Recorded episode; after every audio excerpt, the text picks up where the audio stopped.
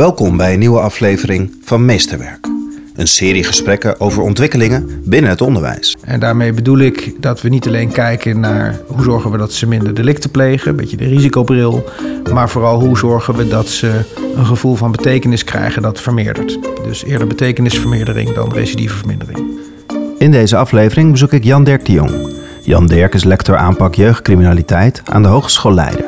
Want nu is het denk ik te vaak zo dat wij met een hele ingewikkelde integrale aanpak, hè, dus met heel veel verschillende partijen die allemaal verschillende expertises hebben, dan wel op het gebied van schulden of werk of woning of whatever, proberen wij een soort van perspectief aan te bieden. En die jongeren hebben zoiets van ja, maar ik hoor er niet bij en jullie spelen vals. Voor zijn promotieonderzoek Kapot Moeilijk liep Jan Dirk lange tijd met straatjongens in Amsterdam-West mee. Maar hoe dan ook, je zult echt door die bril moeten kijken om te begrijpen dat het weinig zinvol is om vanuit een soort van moral high ground te zeggen van waarom doe je niet mee? Jan Dirk pleit voor inclusie, of zoals hij het zelf zo mooi omschrijft, meer weten over de ander en zijn groepsverband creëert ruimte om nader tot elkaar te komen. Ik kan me zo voorstellen dat het loont om met elkaar na te denken. Inderdaad, niet zozeer van hoe krijg ik de straat in de school. Maar hoe krijg ik de gemeenschap in de school en hoe krijg ik die jongeren in de gemeenschap? Ik ben benieuwd wat het onderwijs kan leren van zijn onderzoek over straatcultuur en jeugdcriminaliteit. Mijn naam is Janja Pubeek en dit is Meesterwerk. Welkom Jan Dirk in de podcast. Dankjewel. Even voor de luisteraar, kan jij vertellen wie jij bent en wat jij doet? Ja, ik ben uh, Jan Dirk de Jong. Ik ben inmiddels al 45 jaar, vader van twee kindjes van bijna 2 en 7. Uh, woon in Amsterdam en ik, ik ben criminoloog en ik werk als lector op de Hogeschool Leiden en ben daar lector aanpak jeugdcriminaliteit. Daarnaast heb ik ook nog een onbezoldigde functie aan de Erasmus Universiteit Rotterdam bij de vakgroep criminologie. Dat is het voor nu even. Waar doe je onderzoek naar? Ik doe hoofdzakelijk praktijkgericht onderzoek nu. Dus dat wil zeggen dat mijn onderzoek ook echt gericht is op vragen uit het werkveld. En ik doe dit onderzoek naar jeugdcriminaliteit en dan in principe integrale aanpak daarvan. Nu ben ik eigenlijk weer klaar voor de volgende versie, of de volgende fase moet ik zeggen. En dat is dat ik wil gaan onderzoeken naar hoe we eigenlijk positief perspectief binnen de aanpak van jeugdcriminaliteit echt vorm kunnen geven. En daarmee bedoel ik dat we niet alleen kijken naar hoe zorgen we dat ze minder delicten plegen, een beetje de risicobril, maar vooral hoe zorgen we dat ze een gevoel van betekenis krijgen dat vermeerdert. Dus eerder betekenisvermeerdering dan recidivevermindering. Nou, dat is even heel snel een heleboel dingen die ik interessant vind om te onderzoeken en waar ik hoop dat de praktijk en het onderwijs wat aan heeft. Dat laatste wat je net zegt, dat triggert mij wel. En ik moet even denken aan de uitspraak dat jongeren nog wel geronseld worden voor de criminaliteit. Mm. Als je het zou omdraaien, hoe zouden we die kwetsbare jeugd, die wellicht makkelijk te, beter kunnen ronselen. Dan beter kunnen ronselen naar, naar het onderwijs dan naar de straat? Nou, dat lijkt me een belangrijke vraag. Een vraag die ik ook wel centraal stel, inderdaad. Heel even over dat ronselen. Als we kijken naar de onderzoeken die er liggen, is het nog wel de vraag hè, in hoe groot deel van de jongeren die betrokken raken bij criminaliteit, ondermijnende criminaliteit, echt geronseld worden. Hè? Eh, want ronselen, ja, dan, eh, ik heb dat geleerd vroeger van de piraterij, dat je dronken wordt gevoerd, je wordt wakker op een schip en uh, nou, dat werk, zeg maar. Uh, tuurlijk worden de jongeren onder druk gezet, verleid, zeker de wat, wat minder, de wat zwakkere broeders, zou ik maar zeggen, intellectueel. Maar er zijn natuurlijk ook heel veel jonge mensen die tegen die misdaad aanschurken in allerlei sociale netwerken en uh, alternatieve routes daar zien, uh, kansen daar zien. Dus het is niet alleen ronselen. De aantrekkelijkheid is denk ik een combinatie van push- en pull factoren. Niet alleen ronselen. Hoe in zo'n algemeenheid of welke overeenkomsten zie je dat jeugd in criminaliteit verdwijnt? Is dat omdat het dichtbij is of omdat je al in die netwerken zit, in de familie? Nou, ik denk, ik denk dat. Ja, de, de, er is natuurlijk een, een, een uitvoerig overzicht van de leefgebieden, zoals ze dat dan uh, wat minder mooi noemen, uh, waar je allemaal problemen kan hebben. Hè, waardoor je een soort van combinatie krijgt van risicofactoren thuis, op straat, op school, in jezelf. Hè, beperkingen, gedragsproblematiek, trauma's die daarachter liggen wellicht. Uh, en beschermingsfactoren die juist weer zorgen, hè, als je een stevig netwerk hebt of een fijn thuis, dan kan het zijn dat dat wat bescherming biedt als je in die omgeving uh, opgroeit. Maar het, het vraagstuk waar we het net over hadden, van je vraag was hoe ronselen we ze beter, die trek ik dus iets breder. Dus dan maak ik zeg maar eigenlijk de vraag van hoe maken we zeg maar een pro-sociaal leven, zou ik maar zeggen, uh, aantrekkelijker voor de jeugd. Enigszins eh, door ze ertoe te verleiden. Anderzijds door ze zelf ook het gevoel te geven van... god, dat wil ik ambiëren. Moet je, moet je eerst even heel goed leren kijken door hun bril. Wat zien zij voor wereld?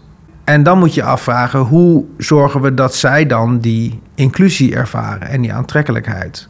Want nu is het, denk ik, te vaak zo, als ik me zo mag uitdrukken, dat wij met een hele ingewikkelde integrale aanpak, dus met heel veel verschillende partijen die allemaal verschillende expertises hebben, dan wel op het gebied van schulden of werk of woning of whatever, proberen wij een soort van perspectief aan te bieden. Zeggen van nou bijvoorbeeld, hè, we gaan als dat al lukt, een woning voor je regelen en hier is een baan, dus waarom doe je niet mee? Neem je maatschappelijke verantwoordelijkheid.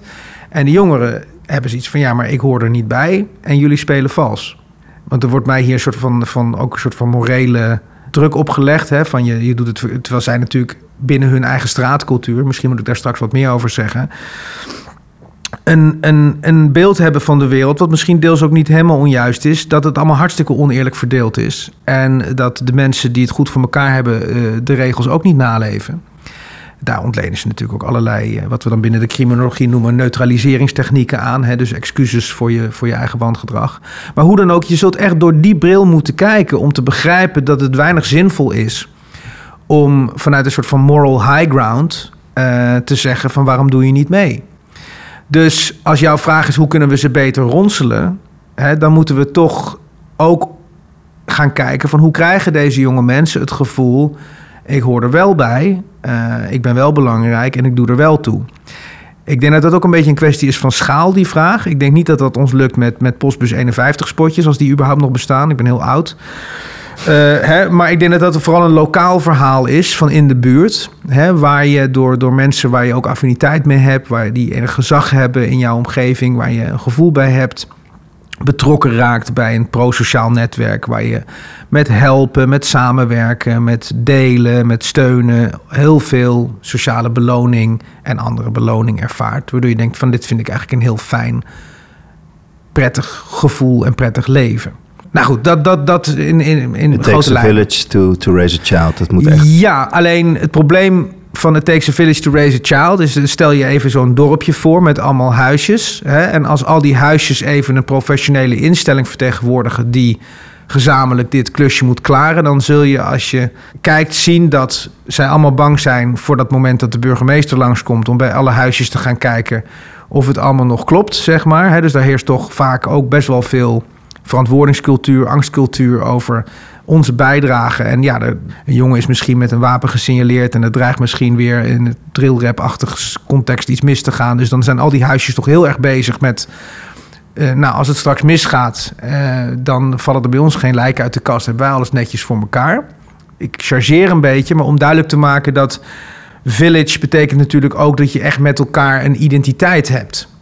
Dat heeft het systeem natuurlijk niet. Dat zijn allemaal kleine eilandjes die, die gezamenlijk een doel zouden kunnen en willen hebben misschien. Hè, maar dat is nog niet zo altijd de realiteit. Dus het Takes a Village to Raise a Child is wel een, een mooie platitude. Alleen de betekenis erachter zit er meer op die identiteit. Dus je, die, die, die jonge mensen, die zijn niet, we zijn niet alleen bezig om te zorgen dat ze niet afglijden of minder delicten plegen als ze al zijn. Ze zijn ook bezig om een nieuw leven op te bouwen en hun identiteit te vormen. Dat wordt ook gezien als een belangrijk onderdeel van desistance, stoppen met criminaliteit. Alleen daar is altijd wat minder aandacht voor, lijkt het, in verhouding tot de risico's. Dus it takes a village to raise a child in realiteit is vaak een beetje een, een risicostress. en zoals jij hem bedoelt, is natuurlijk veel meer een soort van positieve hoop van... hey, hoe krijgen we iemand in een prettig leven voor zichzelf en ons allemaal. Ja, ik, ik bedoel in die zin inclusief. Hè? Dus dat, dat echt als je hele omgeving en met elkaar en je, en je straatcultuur en je thuiscultuur een andere kant op bewegen, dan beweeg je daar ook ja. eigenlijk ook in mee. Neem eens mee door die bril van die, van die jeugd.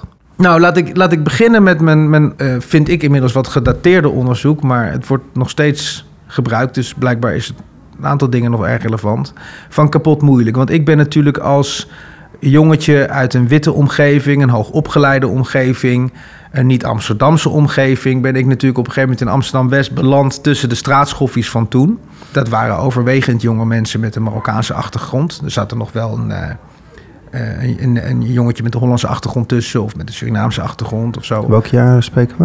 Uh, de eerste stapjes daar waren denk ik uh, 98, 99. Je had net die rellen van 98 gehad. En je moet je voorstellen dat er een transitie is geweest. Hè? Want uh, als je de eerste werken leest die al attenderen op, op, op die jonge mensen met een Marokkaanse achtergrond, die, die uh, de straatjongens vormen, ze werken in de jaren 80, dan zie je dat die groepen die worden beschreven in de pijp en zo, die zijn nog voor een heel groot deel, zeg maar, Nederlands-Nederlands. Uh, en en die, die, die jonge mensen die dan uit Marokko ingevlogen worden en het op straat moeten zien te rooien, die leren de kneepjes van het straatvak, zou ik maar zeggen, ook van die Hollanders. En uh, de leider van zo'n groep in een proefschrift wat ik in mijn hoofd heb, is ook een Nederlander.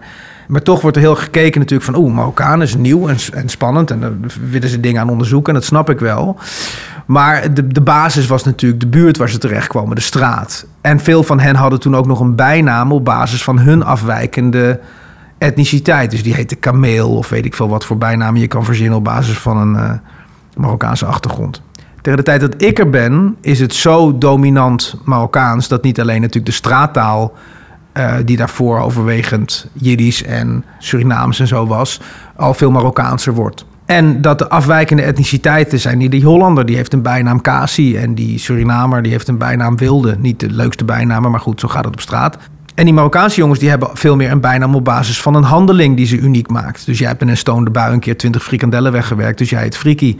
En je kleine broertje heet dan ook Friki. Weet je wel, dat soort, dat soort bijnamen. Nou goed, in die situatie kwam ik dus. Totaal andere wereld. En neem eens door die bril. Ja, ik kom uit een, uit een hele burgerlijke achtergrond. En heb me natuurlijk laten verbazen over hoe, moet, hoe, hoe leven die jonge mensen hier? Hoe handhaven ze zich? Door jarenlang mee te mogen lopen en op een gegeven moment de positie te krijgen dat je in ieder geval geaccepteerd wordt. En, en een beetje, je moet je voorstellen, ik was niet een van die stoere jongens van de buurt, maar ik was een beetje die, uh, ja, die hond die altijd aankwam lopen. En die mag er dan op een gegeven moment ook maar zijn, weet je wel. En uh, ik denk het beste voorbeelden heb ik denk ik uit mijn reis naar Marokko. Want daar was ik over inclusie gesproken. Daar werd ik echt geïncludeerd in de groep. En al die jaren dat ik hier was, was ik natuurlijk toch ook de vertegenwoordiger van de buitenwacht. Ik had op een gegeven moment wel bijnamen die attendeerden op een goede positie. Ik was Kleine Ton. Uh, je had een wijkagent in de buurt Lange Ton. En dat was een hele goede wijkagent die ze op handen droegen. Dus Kleine Ton uh, was wel een goede naam. Ik ben ook een keertje Holleder genoemd. Maar mijn eerste bijnaam was Balkenende. Dus dat geeft wel aan dat ik van ver kwam. Kwam je op een skateboard aan? ja, zoiets, ja. Mijn punt is dit. Ik, ik, ik heb me door hun echt moeten laten uitleggen hoe het werkte op straat. En werd natuurlijk vooral in mijn gedrag ook gecorrigeerd. Laat ik daar één voorbeeld van geven. Ik woon in het centrum van Amsterdam en kwam een keer na het stappen thuis. En uh, daar werd ik bijna aangevallen door een paar jongens die... Uh, ik belde met de fiets dat ik er langs wilde. En dat vonden zij blijkbaar uh, intrusie van hun... weet ik veel wat. Goed, ze gingen me aanvallen. Ik ben toen ommetje gefietst, keken of ze weg waren, zette mijn fiets neer. Ik vertelde dit verhaal de volgende dag op het August Allebeeplein aan de jongens. En de reactie was overduidelijk. Waarom heb je ons niet gebeld? Want in hun bril bekeken is de situatie als volgt. Ik heb me ja, als een watje gedragen, zal ik maar zeggen. Ik heb me, me, laten kennen. ben niet voor mezelf opgekomen. Dus ik ben een potentieel slachtoffer. Dus deze figuren die komen morgen terug om mijn fiets af te pakken, mijn telefoon af te pakken, me onder druk te zetten. En uh, ze zeiden letterlijk: Het maakt ons niet uit dat je geen vrienden hebt, maar dan bel je ons maar. Want je, die, die, die voorzagen dus slachtofferschap voor mij. He, degene die het goed met me voor hadden, die gaven mij dus instructies over dat dat niet goed ging aflopen. Terwijl dat natuurlijk helemaal niet mijn realiteit is. Ik woon in het centrum van Amsterdam, waar het hartstikke anoniem is. Dit waren wat uitgaansmensen, misschien kwamen ze uit een of ander dorp, niet eens uit Amsterdam. Die zie ik natuurlijk nooit meer. Dus mijn wereld is dat je zo op die manier een beetje je veiligheid kan organiseren. Ik had in een andere situatie misschien zelfs een beroep gedaan op de politie. Hadden zij ook nooit gedaan. Dus zo moet je je voorstellen hè, dus dat, dat allerlei vormen van gedrag van mij werden door hen becommentarieerd. En aan de andere kant bevroeg ik hen op hun gedrag. Hè, want zij deden dingen ook anders. Dus dan vroeg ik, waarom deed je dat nou? Mooi voorbeeld is denk ik de titel van het boek Kapot Moeilijk. We waren in Marokko. En die jongens kregen ruzie met straatjongens al daar in Casablanca. We waren niet al de beste buurt uh, daar uh, beland. En ik vroeg aan een van de jongens van nou, uh, de grote broer van de Dibi's, vroeg ik van nou, hoe, hoe is het? waarom krijg je de ruzie? Nou, zegt hij, Eh, hè, maar eh, ze, ze noemden ons kakkers, daar begon het mee. Ik denk, kakkers, hoezo? Ja, want ze hadden dus nette kleding aan en de ogen van die straatjongens daar. Want daar heb je misschien wel een beeld bij. Die hebben natuurlijk vieze t-shirts aan en uh, littekens en ruiken naar de lijm waar ze verslaafd aan zijn. En zij zien er dan een beetje uit als, ja, voor ons misschien niet heel net, maar voor hun wel. Ze noemden ons kakkers en ze hoeven het niet te weten, zei hij. Maar wij, het enige waar we trots op kunnen zijn is dat wij de moeilijkste jongens zijn van Nederland. Dus die hele identiteit hè, van, van kapot moeilijk, van, van verschrikkelijk stoere straatjongens, die werd door hem even heel duidelijk gepositioneerd. Dat was belangrijk voor ze. Maar zo ben ik een heleboel dingen natuurlijk gaan leren van ze. Hè, en heb ik ook weer getoetst bij ze door op een gegeven moment, als ik dacht dat ik het plaatje een beetje rond had, aan hun te vragen van, klopt het nou een beetje dat dit belangrijk is? Was je open dat je onderzoek naar ze deed? Ja, zeker. Ja. En moest je meedoen of kon je gewoon echt helemaal jezelf zijn daarin wie je was en accepteerden ze dat? Ja, ik denk dat dat een kwestie is geweest van vallen en opstaan. Maar ik ben nooit met hun daarna, zeg maar, het, criminele pad opgegaan of zo. Maar ik ben wel natuurlijk geprobeerd. Dat begon eigenlijk vooral via het buurthuis en daarna ook nog met uitjes en dus naar Marokko, dus zoveel mogelijk met hen te zijn. Maar dat was niet erg, want je zag, die groep was heel divers. Er zaten meer natuurlijk jongens ook tussen die helemaal niet crimineel bezig waren die uh, ja, zat op school. Er zat zelfs een jongen die zat op het gymnasium. Was interessant om te zien hoe die dat beleefde. Maar die werden ook erbuiten gehouden. Net als ik werd erbuiten gehouden. Alleen die straatcultuur was wel op straat dominant in de zin van... Je moest sowieso voor jezelf opkomen, desnoods met geweld. Ook die jongen die op het gymnasium zat, ging dat niet, ging niet de politie bellen of iemand anders. Dat moest hij zelf oplossen of zijn broers erbij halen. Dat was de manier waarop je je veiligheid organiseerde. Je moest altijd voor je vrienden opkomen, desnoods met geweld. Nogmaals, die jongen die op het gymnasium zat, die werd ook niet geacht dus mee te gaan inbreken of andere gekke dingen te doen die daarmee te maken hadden. Maar als ze ruzie kregen in het centrum, in de bioscoop, omdat jij of ik daar op een wat uh, invasieve manier zouden zeggen dat ze wat zachter moesten doen in de bioscoop, of uh, ze krijgen ruzie met jongens uit Oost, dan moet hij meevechten. Want anders is hij, valt hij er buiten, zeg maar. En uh, nou, zo waren er nog meer dingen. Je moet, je moet dus opkomen voor jezelf, voor je vrienden. Je moet uh, ballen tonen, hè, dus uitdagingen aangaan.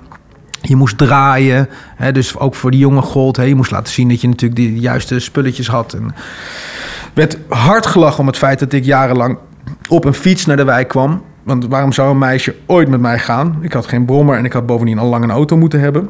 Uh, nou goed, en zo leerde ik dus door hun bril kijken. Uh, wat, wat waarde had. Wat maakte dat jij waarde had in die, in die groep. En zo kwam ik dus tot een stuk of zeven waarden. Die ik dan een beetje overkoepelend die straatcultuur vond vangen. En heb ik dus regelmatig aan hun getoetst. En dat is hun bril. En die heb ik in kapot moeilijk, naast een aantal andere dingen, uitvoerig proberen te beschrijven. Van dit is dan straatcultuur. Sindsdien is dat woord natuurlijk ja, gangbaar geworden. Uh, maar die, ik denk dat die waarde daarvan, begrijp ik van de jonge onderzoekers nu, nog steeds wel voor een groot deel opgaan. Alleen voor een belangrijk deel heeft het schoolplein zich natuurlijk verplaatst en de buurt naar social media. Daarin is mijn onderzoek echt ernstig verouderd. Er zit geen appje in, geen, geen, geen TikTok, geen niks. En dat is natuurlijk de realiteit van de jeugd nu.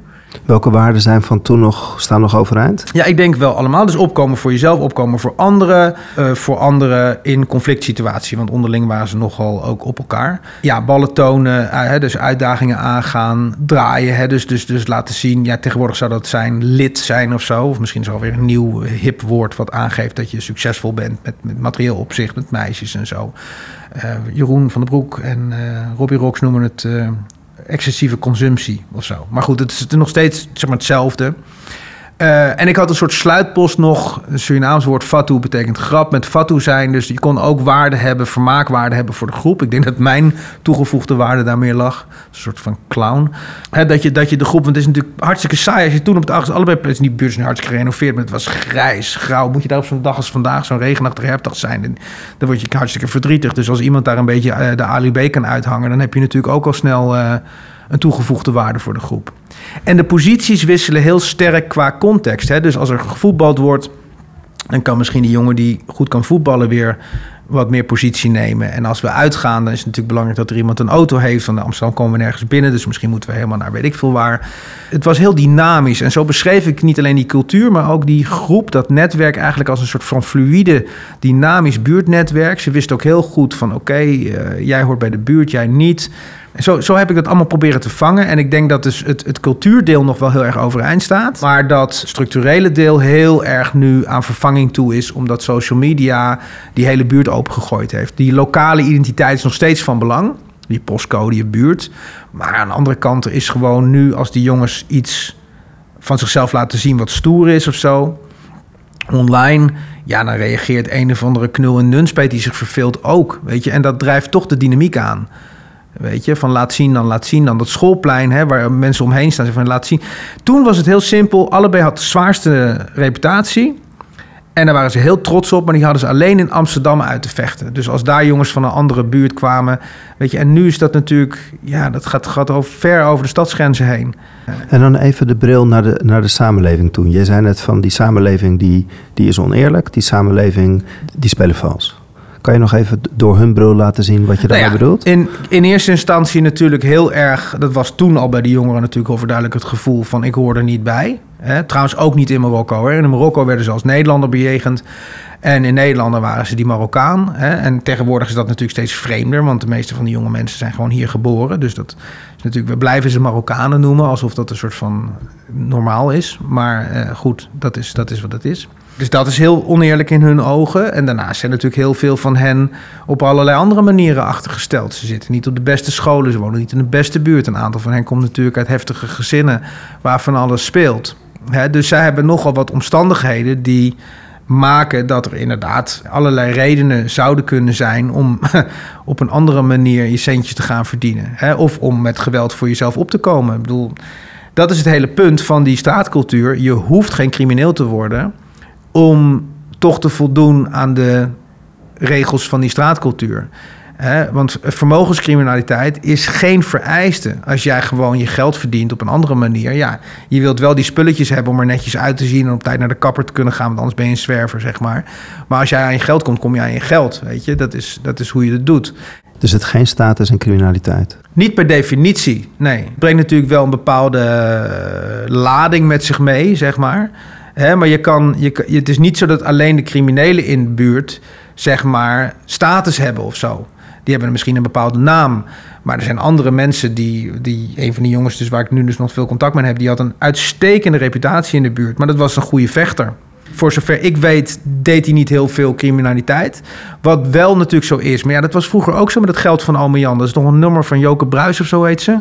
Geld van Ome Jan. Het geld van hem gaan we op vakantie. Ja, Ja, ja. Weet je, dus dat, dat is natuurlijk het geld van ome Jan en de eerste klap is een daalder waard. Dat zijn natuurlijk geen waarden en normen uit de tammenzicht eh vertaald, weet je. Dat, dat was in Nederland, in de Jordaan natuurlijk ook de normaalste zaak van de wereld. Dat je een beetje begreep dat, die, dat om rond te komen... dat je ook wat je neven onder de toonbak verkocht en zo. Nou, die sfeer is er natuurlijk wel. Dat, je, dat iedereen aan het overleven is. En er is, wel, er is wel veel begrip voor criminaliteit. Maar het is niet zo dat, dat je alleen stoer bent als je criminaliteit pleegt. Wel, dus dat geweld is, is, is wel een vereiste. Hè, dus dat je, je gaat niet buiten de buurt spreken. Je gaat niet naar de politie toe. Dus, dus waarom iedereen nu roept, ja, snitchcultuur en zo. Dat was toen ook al. Even terug naar ons voorgesprek. Want je had het over de generatie Holleder en de generatie Van Hout en zo.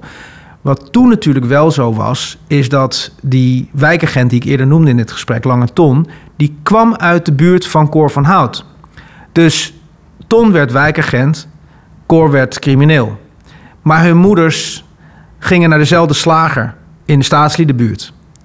Weet je, dus er is een verwevenheid, zal ik maar zeggen. Er is een identificatie, er is al een gevoel van... we zitten tot op zekere hoogte in dezelfde laag. We horen een beetje bij elkaar. Dat maakt dat er natuurlijk dan ook kortere lijntjes zijn. Als er contact moet zijn tussen bijvoorbeeld politie en die wereld. Hè, men, men, men is op de een of andere manier aan elkaar verbonden. En misschien is er ook nog iets van een bepaalde identificatie. Al is het maar op basis van we zijn in dezelfde buurt opgegroeid of hebben in dezelfde klas gezeten. Dat is natuurlijk heel sterk veranderd met die huidige generatie. Dus die verharding, die, die afstand, die kilheid die die eh, Marokkaanse netwerken wordt toegeschreven. Die, trouwens, de mokro-maffia is zeker niet alleen Marokkaans. Maar goed, als we even puur naar het Marokkaanse segment kijken. Als je daarin gaat zitten hè, en, je, en je komt daar op de, op de feestjes, op de bruiloften, in de shisha-lounges... dan vind je misschien ook veel meer, zeg maar, onderling verbindingen tussen mensen die het netjes doen... en mensen die het niet netjes doen en zo. Maar er is natuurlijk die brug met de meer witte wereld, die is er niet meer in Amsterdam. Schot wat daartussen is komen te staan, dat doet wel iets met onze beleving aan beide zijden van de streep. Ja, werkt ook de suggestie in de hand, die nog maar getoetst moet worden, dat het nu heel anders zou zijn dan vroeger. Want als je in die Marokkaanse bubbel gaat zitten, als we het zo mogen noemen, ja, dan zie je toch, weet je, gaat daar naar de kapper, dan, dan, dan zie je toch een omgangsvorm waar je denkt van als ik nou even door mijn oogharen kijk. En ik stel me zo voor dat dit een kapper is, kapperszaak is in de Jordaan vroeger. Is het dan zo heel veel anders? Hè? Of is dat macho sfeertje wat hier heerst en het ons kent ons en Weet je, die ene persoon die misschien wel met criminaliteit bezig is, die zegt: Oké, oh, je moeder is ziek. Nou, ik breng vanavond nog wel even wat sinaasappeltjes. Misschien is dat er wel.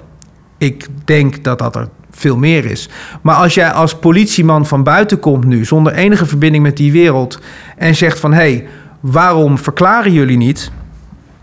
Ik denk dat dat vroeger ook veel meer via de band gebeurde, zeg maar. Hè?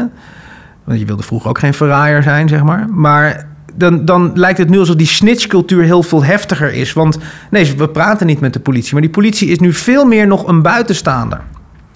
Dan in die sfeer. Als die, die wijkagent al helemaal ook weggetrokken is uit zo'n buurt, dan is het echt een buitenstaander geworden. En die komt daar puur met het wetboek in de hand en zegt: luister, ik ben toch de politie van dit land. Waarom verklaren jullie niet? Ja, dan moet je naar die gemeenschap gaan kijken. En die denken dan van ja, wie ben jij? En weet je wel hoe wij leven hier? En ik ben, we zijn afhankelijk van elkaar. Ik heb heel veel met jou, ook al ben jij een crimineel, hè, maar je bent ook familie. Of je hebt inderdaad een keer eh, eh, wat geregeld voor me toen ik. Toen ik met, met, hè, of, of je bent, vormt ook een dreiging. Laten we dat ook niet, niet uitsluiten. Want als je erachter komt dat ik degene ben die jou verlinkt heeft, dan is er natuurlijk ook nog een risico voor mij en mijn dierbaren. Dus hier speelt van alles aan deze kant van de streep. Wat maakt dat het totaal zinloos is om daar met zo'n houding te komen van hoezo verklaren jullie niet? Het is een soort van hele bijzondere, misschien zelfs etnisch ingevoerde snitchcultuur. Alsof je moet dat gewoon sociologisch veel beter kunnen duiden om dat te begrijpen. Datzelfde geldt voor het onderwijs. Als je kijkt in die, in die wijken waar jij woont, maar ook op, op straat meegegaan bent, en daar komen de leerkrachten, de leraren komen ook vaak van buiten. Ja. Ik heb uh, onlangs ook een podcast opgenomen met een leraar van de middelbare school daar. Die, die vertelt dan ook over, over die straatcultuur. En die, die vertelde dat die kinderen een thuis een cultuur hebben. Op straat hebben ze weer een andere cultuur. En dan komen ze op school en daar is ook weer een andere cultuur. En ze weten zich steeds feilloos aan te passen. Ilias aan. Het werk van Ilias Aladoui. Ja, die, heeft, die, die is daar nu een boek over aan het schrijven. Dat is ook, wel, ook wel interessant. Maar hij vertelde dat gewoon vanuit de praktijk. En hij vertelde dus dat het zo ontzettend moeilijk was om goed te verbinden. Omdat je op al die plekken steeds weer andere waarden en normen hebben. Dus als jij het dan hebt over inclusie. Van, uh, wat, wat is een weg om, om meer inclusief met elkaar te gaan leven? En het gekke is, weet je, ik denk dat hier nog zoveel mooi onderzoek te doen is. Want ik moet denken aan een verhaal van een vriend van mij afgelopen weekend. Die, die, die ziet zichzelf echt wel als degene die in zo'n wijk woont in West, in een koopwoning. Weet je, sociale flats zijn uh, daarnaast. Hè, dus die uh, onderdeel is van de gentrification, zou ik maar zeggen. Maar ze delen het voetbalveldje. En daar spelen ze dus samen met jongetjes van Marokkaanse komaf uit die sociale huurwoningen. En dat was een beetje misgegaan en een beetje spannend geworden. En hij onderzoekt bij zichzelf van hoe leg ik nou contact en wat. En dat vind ik al heel tof dat hij dat doet. Hè? Zoals ik me dat ook voor kan stellen dat zo'n leerkracht dat doet, hè, die van buiten komt, gaat onderzoeken van ja, maar ik spak hem toch normaal aan en zo. En, maar hij vertelde tussen neus en lippen door dat er ook zo'n echte Amsterdamse kroegbaas is, van een kroegje wat daar nog op de hoek zit, die ook wel eens meedoet, die dat probleem totaal niet heeft. Witte vent, hè? En ik ken het ook van, van een verhaal uit de Kinkerbuurt, waar ook probleem is, ook met een Marokkaanse groep. En waar eigenlijk heel veel van de professionele krachten niet uitkomen met die groep, maar waar toevallig een oud, waar uh, die uh, Klepper en zo zaten erbij volgens mij bij de KB, de Kinkerbuurt. Spik en span. Ja, en uh, nou goed, dus de, deze man die komt dus een beetje uit zo'n achtergrond, ook een witte vent. En die heeft een bepaalde rol daar in dat grote, hè, waar die, ook de bioscoop is en zo. En die runt daar wat zaken en die heeft contact met ze gemaakt, want ze gebruiken daar de parkeergarage waar wifi is. En die kan gewoon afspraken met ze maken. Die luisteren ze gewoon naar. Dus wat is het nou in deze ex-straatschoffies, zal ik maar zeggen, hè, Siske eruit, maar dan 50 plus, dat ze dus wel contact kunnen maken met zo'n gevoel dat die jongens gelijk weten van oké, hier is geen, geen land mee te bezeilen. Weet je, hier gaan we niet mee wegkomen met allemaal tenuis, zoals ze dat noemen, hè, van, die, van die grappen. Uh, maar die man begrijpt ons ook. Dus daar is een bepaald gevoel. Wat de, ja, in mijn theorie, of mijn veronderstelling is nog altijd dat dat toch veel meer ligt op klasse dan op etniciteit of geloof. Dat is allemaal een sausje wat wel relevant kan zijn. Maar uiteindelijk komt het op sociale klasse neer. Dat je, dat je, dat je het gevoel hebt van, van hè, dat die, die stratificatie er niet is. Van ik voel me meer dan jij. En natuurlijk komt etniciteit dan vaak om de, om de hoek kijken. Maar dat is blijkbaar iets wat niet speelt bij deze figuren die in contact treden met die groep. En gelijk hen het gevoel geven van... nou, hier staat gewoon een, een oudere van onze gemeenschap voor me... mij even op mijn plek te zetten. En dat accepteer ik. Als die buitenkant ertoe doet, hè? als je scooter ertoe doet... als je jas ertoe doet, Mhm. als je gouden ketting om je nek ertoe doet... dan loont het toch helemaal niet om in het, in het onder, naar het onderwijs te gaan. En, en dat, dat duurt zoveel jaar voordat je daar wat mee kan. Dan loont het toch veel meer om met het envelopje... bij de brug te gaan staan. En dat, is, eh, en dat, is ook een, dat is natuurlijk ook een groot probleem. Hè? Als dat, Dus is het, niet, is, is het niet eigenlijk een kansloos gevecht tussen het onderwijs en de, en de criminaliteit? nou, kijk, wat, wat denk ik kansloos is... dat ik, hoe ik eruit zie... voor de jongens ga staan op een hele jonge leeftijd... en ga zeggen van nou... Jongens, jullie gaan nu naar school en er liggen mooie kansen... en eh, een soort van eerlijke wereldvoorspiegel... en eh, van, nou, als je nou maar goed- lang genoeg leert, dan, eh, dan komt het goed. Zeker degenen die dat niet kunnen. Maar je wilt natuurlijk perspectief bieden, is iets heel concreets voor mij. Is ook een, een rolmodel, is ook een sleutelfiguur. Is iemand die een voorbeeld is. Wat ik altijd vond trouwens ook in... eh, nu is hij niet meer zo werkzaam daarin... door wat frustratie die hij ook opgelopen heeft in zijn carrière. Maar Said Benselam was voor mij daarin een eye-opener En waarom? omdat hij was een exportier. Die zal nog wel gewerkt hebben in de tijd dat jij daar werkzaam was, van het Rembrandtsplein.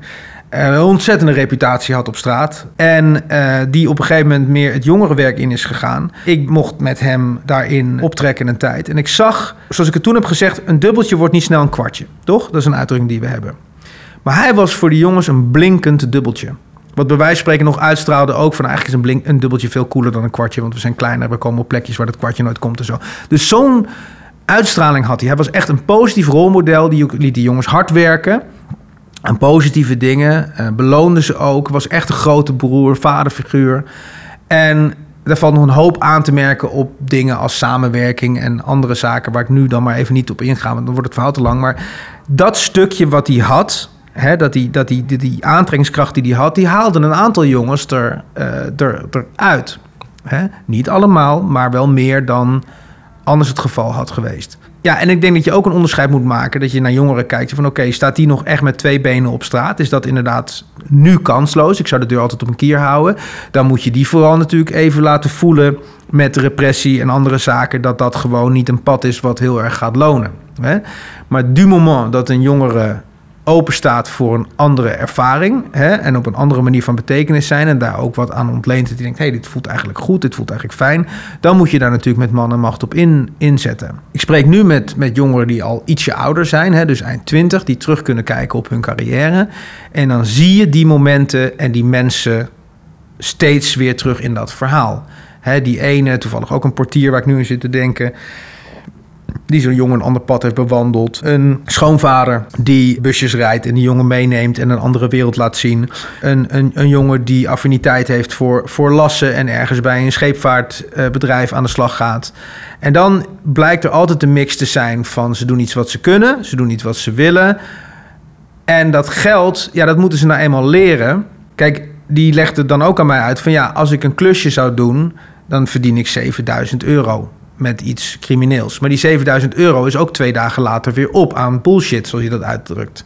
Want je denkt ook, ik verdien het zo weer terug enzovoort. En nu verdient hij een bepaald bedrag. Weet hij heel goed van, oh, maar dat is voor deze maand en dat ga ik zus en zo en ik leg zoveel opzij voor dat. Weet je, dan voelt dat geld voor hem heel anders. Hij heeft er echt voor gewerkt. Ik denk, het mooiste wat hij me uitlegde is hoe hij nu in de bioscoop zit. Dus toen hij crimineel was, dan ging hij ook naar de bioscoop. Maar dan was ook, st- straat is ook veel stress, hè? Want wanneer is de volgende klus? Jij gaat me naaien. eh, politie zit achter me aan. eh, andere mensen zitten achter me aan. Dus dan ging hij naar de bioscoop en dan had hij eh, misschien een dikke joint gerookt. En dan zat hij daar vooral ook even om te vluchten van die realiteit. Want leuk is het lang niet altijd, denk ik. Maar nu zegt hij, zit ik daar helemaal relaxed. Ik heb het verdiend, weet je. Dus hij, hij deed bijna voor hoe hij, wij spreken, zijn stoel achterover zakte. Van, nou, dit heb ik echt verdiend. Dit is even mijn momentje, ik heb ervoor gewerkt. Maar die ervaring, die denk ik... Ik kan hem nu niet beter attenderen dan met zo'n voorbeeld. Maar je voelt hem denk ik wel als ik hem zo uitleg. Die ervaring die wil je jongeren natuurlijk meegeven. Maar die moeten ze ook zelf ervaren. En daar moeten ze een intrinsieke motivatie aan ontlenen.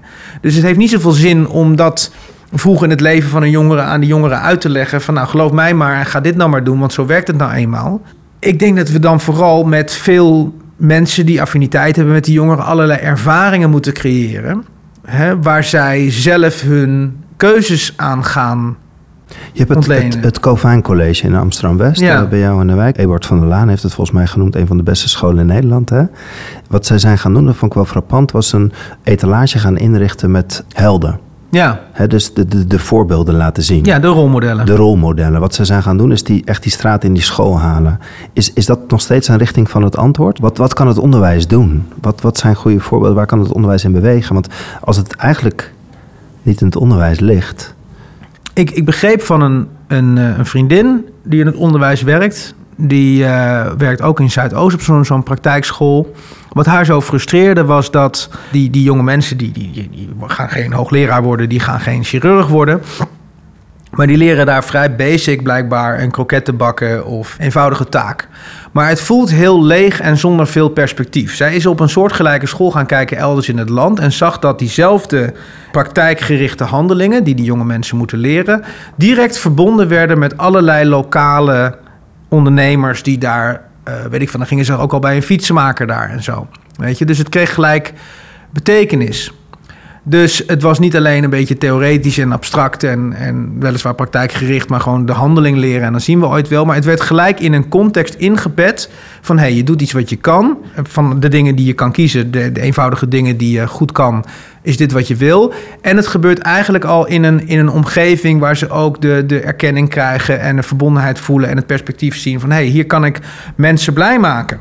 Want daar zitten daar eh, mensen in dit lokale cafetaria eh, ook te genieten van die kroket die ik zo goed gebakken heb. Met heel erg een sfeer van, hè, er is, eh, je hoeft ook niet eh, hoogleraar of chirurg te worden. Als jij mooie dingen kan maken of lekkere dingen kan bereiden... of mensen op een andere manier blij kan maken... kijk eens wat een goed gevoel dat geeft. En dat was voor haar een hele duidelijke gevoel van dat die klassenongelijkheid. Dat hetzelfde ambacht, eenvoudige ambacht, aangeboden werd aan die jongeren. Waarbij op die nou ja, witte school elders in het land dat heel erg gelijk al in een soort van sociale ingebedde context gebeurde.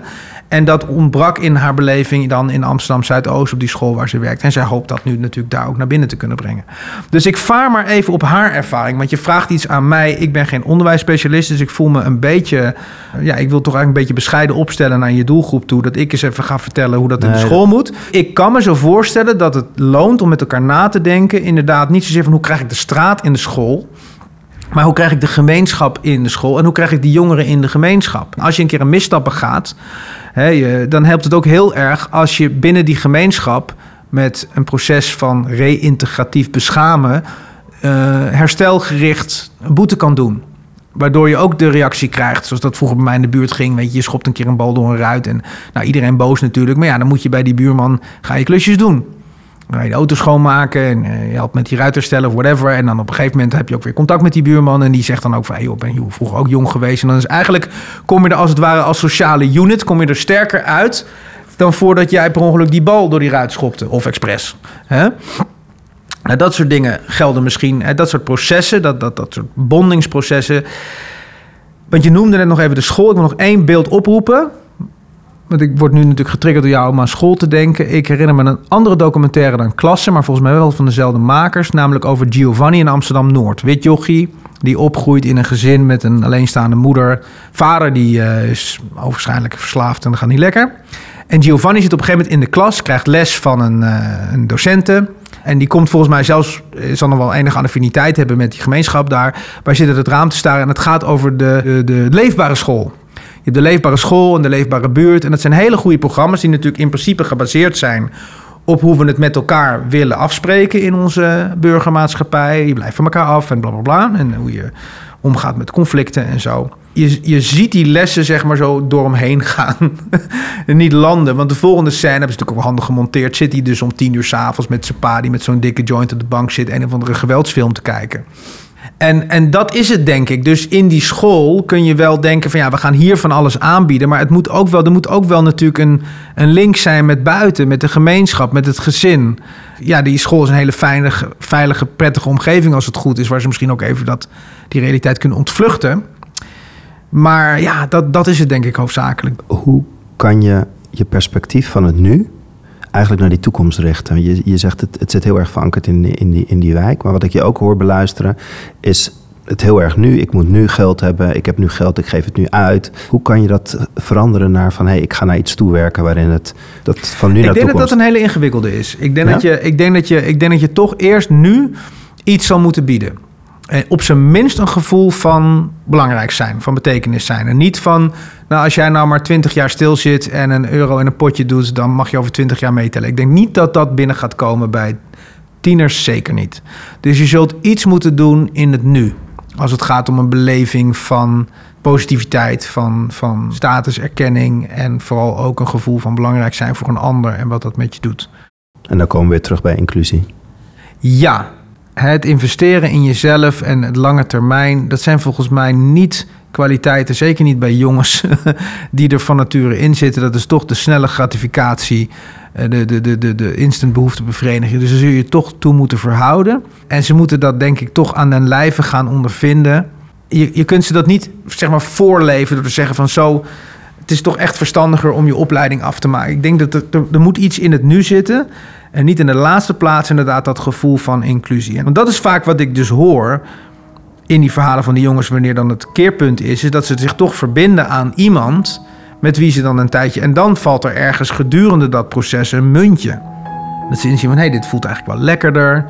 En dan staan ze natuurlijk van, hé, hey, maar als ik dit dan wil... wat moet ik dan eigenlijk doen? Ja, dan moet je er zijn om uit te leggen van... ja, blij dat je die vraag stelt... In dat geval is dit en dat en dat van belang en dan, dan dat niet. En dan gaan ze dat lange proces in. En dan moet je er ook nog al die tijd zijn om hun hand vast te houden. Want bij de eerste de beste teleurstelling kunnen ze natuurlijk weer terugvallen. En die teleurstelling gaat komen. de, de eerste toets lukt niet. Weet je, en je moet toch uh, het opbrengen om voor die herkansing te gaan. En niet uh, je vriendjes in de koffieshop hebben die zeggen: waarom doe je dat ook? Je hebt toch allemaal geen zin. Uh, weet je, dus je moet er ook nog dan in zijn al die tijd. Geen makkelijke opgave. Ik denk een hele menselijke opgave. En ook moeilijk om te organiseren qua systemische aanpak met allerlei verschillende partners. Maar het lijkt me toch wel zaak om daar meer de vinger achter te krijgen. Dat gevoel wat ik probeer aan te stippen met mijn verhalen scherper te krijgen, meetbaarder te krijgen, om het ook in het systeem te krijgen. En dat is een beetje ja, waar ik me hoop op te mogen kunnen blijven richten. Jan Dirk, dankjewel. Graag gedaan. Meer podcastafleveringen van Meesterwerk zijn te beluisteren via Spotify, iTunes, Soundcloud of kijk op janjapubeek.nl.